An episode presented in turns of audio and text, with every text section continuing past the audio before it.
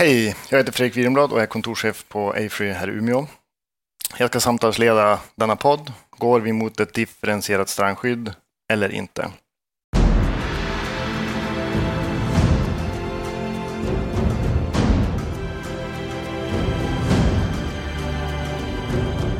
Välkomna panelen. Jag tänkte innan vi dyker ner i ämnet tar vi en kort presentationsrunda. Vi kan börja här. Första har vi Johan Larsson, jurist, Landala advokatsbyrå. Stämmer bra. Vi har Karina eh, Samli, kommun, kommunstyrelsens ordförande i Luleå kommun. Vi har Anders Ågren, kommunalråd Umeå kommun. Thomas Mörtsell, kommunstyrelsens ordförande i Storumans kommun. Mm. Välkomna. Så vad betyder ett mer differentierat strandskydd? Utanför storstadsregionerna brukar man lyfta fram den fantastiska svenska naturen som en stark attraktionsfaktor.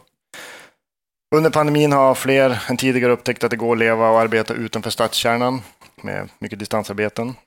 Många vill bo där vi tycker att det är fint, vid vatten och vid sjöar och vattenutsikter. Regeringen föreslog regler som skulle göra det lättare och enklare att bygga stadsnära på landsbygden, men andra partier ställer sig skeptiska av olika skäl till det förslag som lades. Och vad är statusen nu då i norra landsändan där vi har stora ytor? Går det att ändra reglerna utan att allmänhetens tillgänglighet tar skada? Ska vi börja här med, med dig Johan kanske? Ja, och jag, jag har ju en sån här eh, parad, parad eh, ställningstagande när det gäller den där frågan. Och det är ju i någon mån direkt konkurrerande intressen någonstans om man, om man ska renodla det hela. Att bygger du någonstans så blir den ytan otillgänglig, både för eh, djur och växtlivet och för allmänheten. Men eh, samtidigt så kan ju byggande skapa mer tillgänglighet. Så, så det är inte helt enkelt det där att, eh, att liksom bena ut, utan i mångt och mycket blir det ju fråga om politiska ställningstaganden. Så att, men för att svara på din fråga, att jag i någon mån beroende på hur man ser på saken så går det ju mycket väl att kombinera eh, en ökad exploateringsgrad med en, ett bättre tillgängliggörande av naturen och kanske dessutom bättre möjligheter att bevara då de, de miljöerna som är särskilt värdefulla ur ett ekologiskt perspektiv. Mm politiska ställningstaganden. Då har vi resten av panelen här som är skäligen insatta där. Det här förslaget som lades, om vi börjar med dig Thomas, hur ställer du dig till förslaget som lades och vad som hände sen med hur det gick vidare? Nej, men I stora delar tycker jag att förslaget var bra. Ehm, det skulle kunna bli ännu mycket bättre, men det var ju definitivt ett steg i rätt riktning. Ehm, eh, jag menar, utifrån mitt perspektiv har vi ett, ett Eh, regelverk för strandskydd som, som ju bygger egentligen på ett eh, storstadsperspektiv. Eh, och, och, det där är ju förödande för eh, framförallt eh, landsbygdskommunerna. Eh, och utifrån det tycker jag att det förslag som, som lades, nej men absolut ett steg i rätt riktning. Nu föll det ju tyvärr. och, och ehm, där kan jag väl känna en, en viss bitterhet bland annat mot Anders kompisar. Eh, att man valde att fälla istället för att förbättra ett hyggligt bra förslag och få det att kunna bli ännu bättre. Mm. Där Anders, ni fällde då förslaget. Var det hela allt var dåligt eller var det någonting i det förslaget som faktiskt var bra? Och hade det gått att plocka russinen ur den kakan eller måste man baka om? Nej, man måste göra om det. Eh, det jag tycker det är bra att, att det har fallit. Det, det, har, det har ju varit uppe i utskottet, men det ska ju vara slutgiltig omröstning i, i riksdagen i juni. Eh, men jag tycker det är bra att förslaget stoppas. Och jag kan säga generellt, alltså, det, här, det här strandskyddet vi har idag är ju i grunden ett otyg. Eh, och det tror jag de flesta kommunpolitiker i landet är överens om. Nio av tio Tio kommuner i landet eh, pekar just på strandskyddet som ett problem för att få fart på bostadsbyggandet. Och det har vi liksom tjatat om hur länge som helst. Och när man tog det här initiativet då, i januariöverenskommelsen att man skulle utreda det och försöka få förbättringar så, så då hade man ju önskat att det skulle liksom leverera något tydligare positiva resultat, men vi ser ju tvärtom. Och det är därför jag, vi, vi har hamnat på lite olika linjer här. Då. Att det, det, det här förslaget innebär ju skärpningar på de flesta platserna i Sverige och där människor bor, så det blir ju ännu svårare för de allra flesta att bygga bostäder.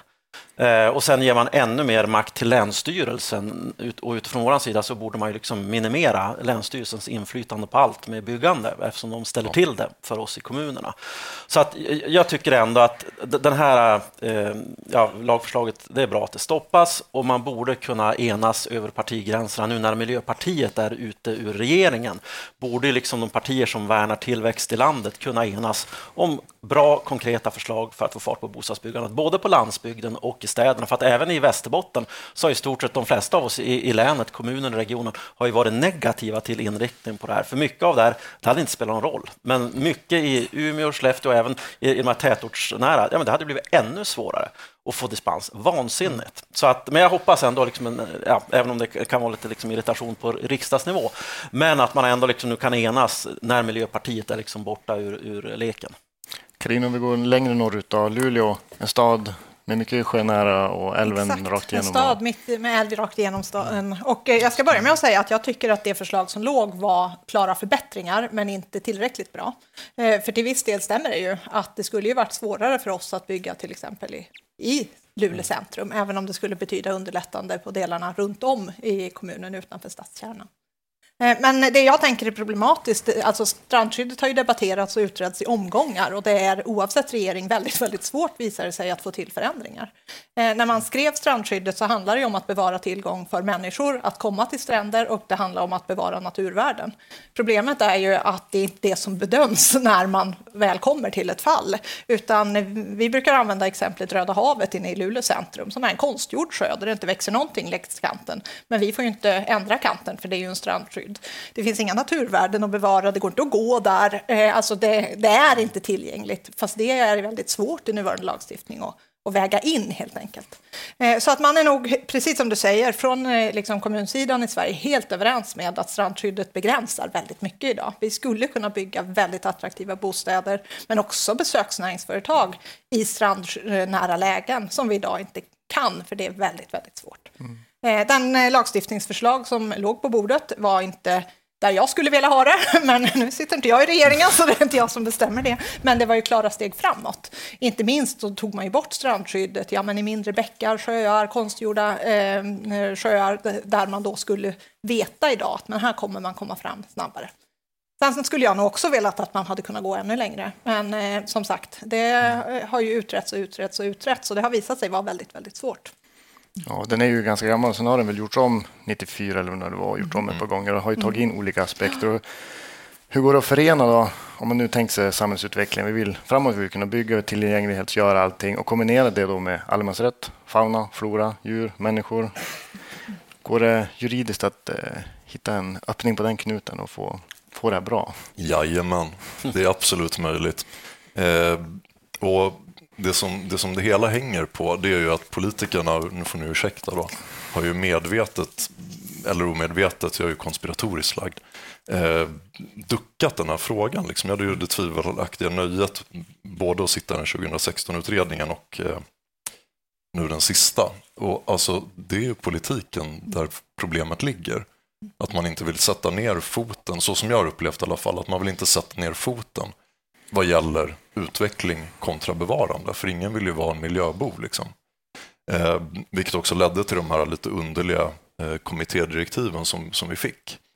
Utan tillbaka till politiken och man får göra sin hemläxa som sagt och enas över partigränserna. Att vad vill vi ha utveckling?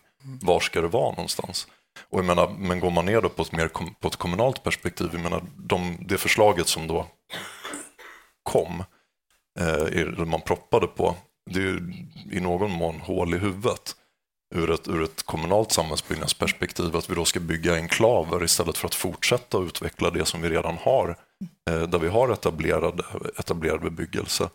menar, tänk den kommunpolitiker som då ska behöva etablera tio nya bo, eh, byskolor eller ha tio nya medarbetare i hemtjänsten eller dra nya vägar och VA.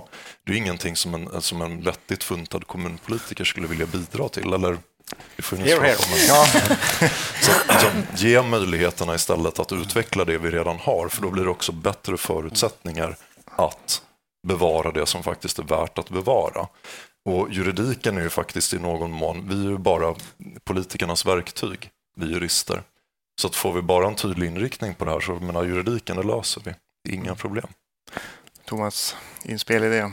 Ja, nej men jag måste säga, jag har aldrig upplevt ett problem under min tid som eh, kommunstyrelseordförande att när det gäller folk som vill flytta till en kommun, att det skulle vara ett bekymmer, vare sig för hemtjänst eller VA eller någonting annat. Alltså, bekymret som jag upplever ändå väldigt tydligt, det, det ena, och där, där håller jag faktiskt med, med Anders Ågren, det är ju eh, att eh, i någon mening kan man ju säga att Länsstyrelsen, utifrån det regelverk vi har, den begränsar ju det kommunala självstyret och det tycker jag är fel.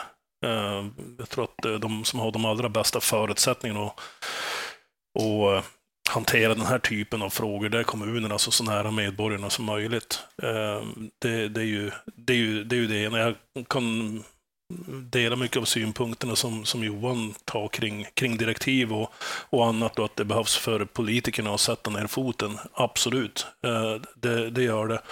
Eh, men men i det här fallet, det jag upplever då jag luskar i det här som, som ju har varit en, en stötesten, det är ju att man vill begränsa möjligheten att kunna bygga strandnära i, i Eh, mer tätbebyggda områden. Det är ju ett område som, om jag pratar åtminstone med, med mina företrädare på den nationella nivån, där har man ju ändå liksom bolla upp den frågan på bordet, bland annat då till, till Moderaterna och sagt, men kan vi inte liksom snacka ihop oss om det här och se om vi kan ta och skruva till det så att vi både kan hitta en väg framåt där det fungerar bra och, och, och bygga exempelvis eh, på landsbygd, men även eh, ge möjlighet att fortsätta att utveckla stadsmiljön.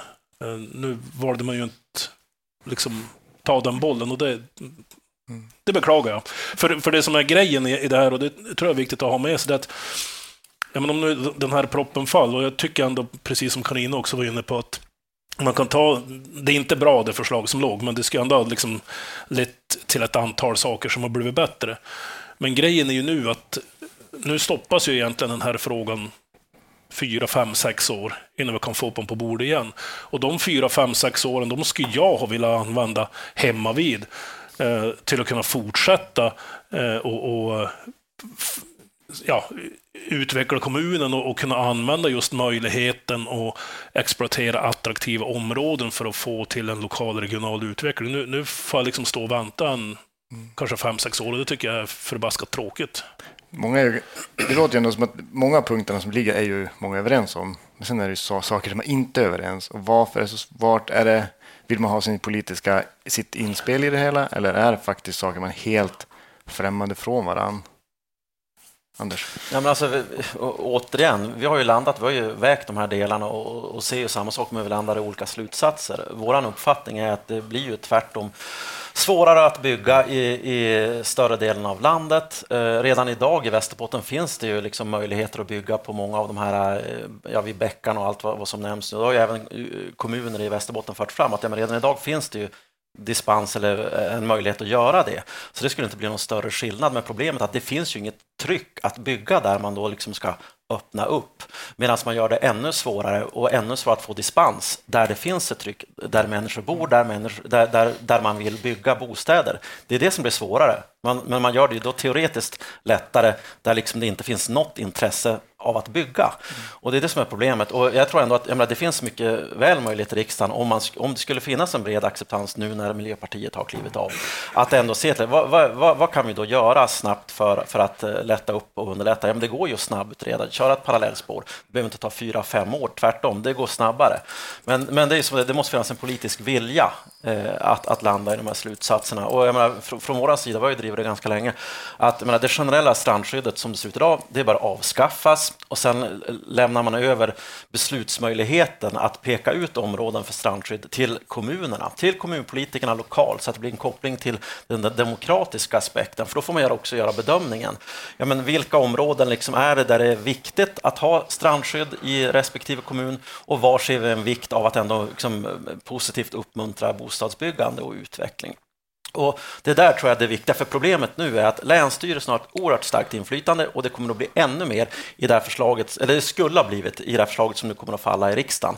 Och liksom minimera Länsstyrelsens inflytande över det här så, så kan det här bli bra i slutändan. Sen, jag vet att det här är inte är ett, ett, område för dagens diskussion, men utöver det här med strandskyddet så är det alla dessa förbaskade riksintressen ja.